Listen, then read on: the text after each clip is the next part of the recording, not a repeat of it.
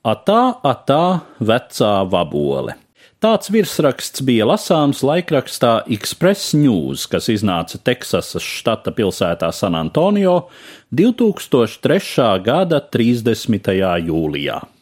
Amerikāņu avīze šādi atvadījās no 20. gadsimta autobūves leģendas - Volkswagen automašīnas, kura visā pasaulē netika dēvēta citādi kā par vaboli, lai gan oficiāli tai šāds nosaukums nekad nebija piešķirts.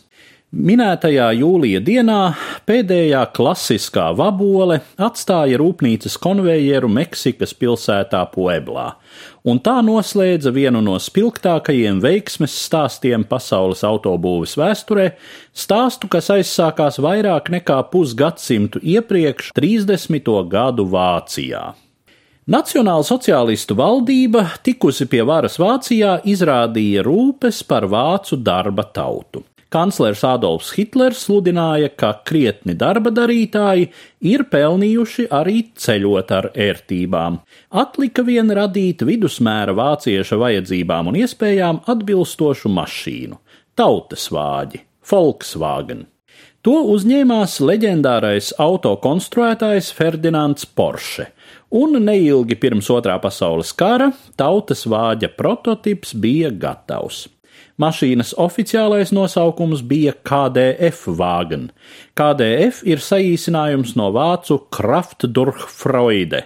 Spēks no prieka, burtiski tulkojot. Tā sauca nacistu dibinātu organizāciju, kuras funkcijas bija vācu darbaļaužu dažne dažāda iepriecināšana. Jaunā autoražotni būvēja, var teikt, tukšā vietā, līdz ar visu strādnieku pilsētiņu, kuru sākumā bija lemts dēvēt par Stadtdes KDF Wagens, KDF automašīnu pilsētu, bet vēlāk nosauca par Wolfsburgu. Sākotnējam projektam svītru pārvilka karš. Pēc kara Wolfsburgas rūpnīca izrādījās Britu okupācijas zonā. Sākotnēji rūpnīcu līdz ar visu auto ideju piedāvāja Britu un amerikāņu autoražotājiem, bet tie cits pēc cita atteicās. Par laimi Volkswagenam jau visai drīz nāca atskārta, ka bez ekonomiski spēcīgas Vācijas nīkuļos arī visa pārējā Eiropa.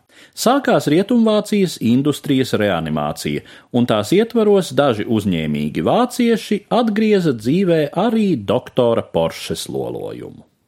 Volkswagen auto kļuva par pēckara Vācijas ekonomikas atzimšanas simbolu.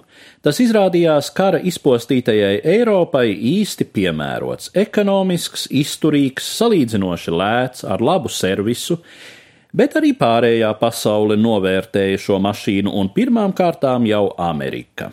Desmitgadē no 1948. līdz 1958. gadam mašīna kļuva par populārāko pasaulē.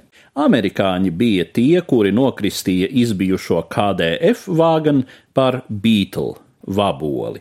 Iespējams, ka vārdu deva nevis kāds šī braucamrīka īpašnieks, bet gan gluži otrādi - kāds no tiem amerikāņiem, kuri joprojām brauca savās lielajās, dārgajās un izšķērdīgajās amerikāņu mašīnās. Tām līdzās vabole tiešām atgādināja savādu kukaini, kas te ielidojas no citas pasaules. Šī mašīna kļuva ne tikai par stabilu ģimenes vērtību, bet arī par intelektuāļu, mākslinieku un vēlāk arī hipiju un citu alternatīvi domājošo iecienītu braucamrīku daudzus gadus paliekot ārēji gandrīz nemainītai, iekšēji gan piedzīvojot tehniskus uzlabojumus. Kā 1971. gadā sludināja reklāma, Volkswagen nav nevienas detaļas, kas nebūtu vismaz vienu reizi uzlabota.